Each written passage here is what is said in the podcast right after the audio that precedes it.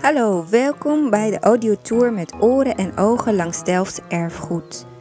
Een rijk gevulde culturele tour met unieke verhalen en persoonlijke invalshoeken. Mijn naam is Annette Breuren en ik sprak vrijwilligers die betrokken zijn bij vier historische locaties in Delft. Monumenten die ook een rol spelen bij het Perpetuum Festival. Hierover vertellen vier muzici. Want dit festival is gewijd aan het leven en de muziek van Arvo Pärt, een hedendaagse componist uit Estland. Het festival zal in mei 2022 plaatsvinden. Nog even wachten dus, maar in deze tour delen we alvast de voorpret.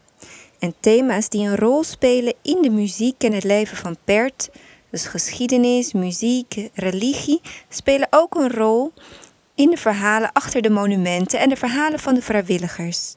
Acht Delftenaren laten op vier locaties hun stem horen. Zo vertellen bij de Schuilkerk aan het Begijnhof Martien en Jaap over hoe zij via de muziek deze kerk ontdekten en er vervolgens in verdwaald raakten. Bij Molen de Roos vertelt Gaston en Nicole van de Koninklijke Harmoniekapel vertelt onder andere over haar concertreis naar Estland. Ook kun je het zingen van de molensteen horen.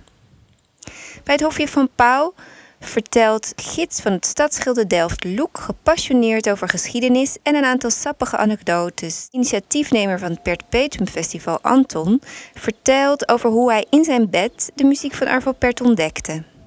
En tot slot, bij de Nieuwe Kerk vertelt jonge historicus Laurens over de plek waar hij zich zijn hele leven al mee verbonden voelt.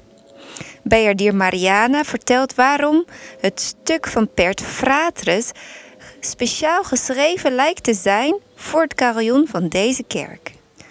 Al deze luisterfragmenten en plekken zijn in willekeurige volgorde af te luisteren. Dus start waar je wilt en maak er een mooi rondje van.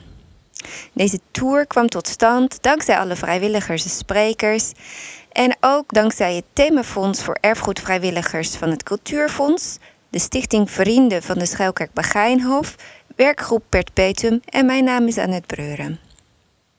Wil je nou nog iets bijdragen aan het Perpetuum Festival? Dat kan, want er worden nog sponsoren gezocht. Ga hiervoor naar de website van Kamerkoor Delft Blue. Hier volgt voor degenen die de muziek van Arvo Pert nog helemaal niet kennen, een voorbeeld van typische Pertmuziek, De Profundis. En ook voor degenen die het al wel kennen, om alvast in de sfeer te komen. Veel wandel- en luisterplezier en voorpret.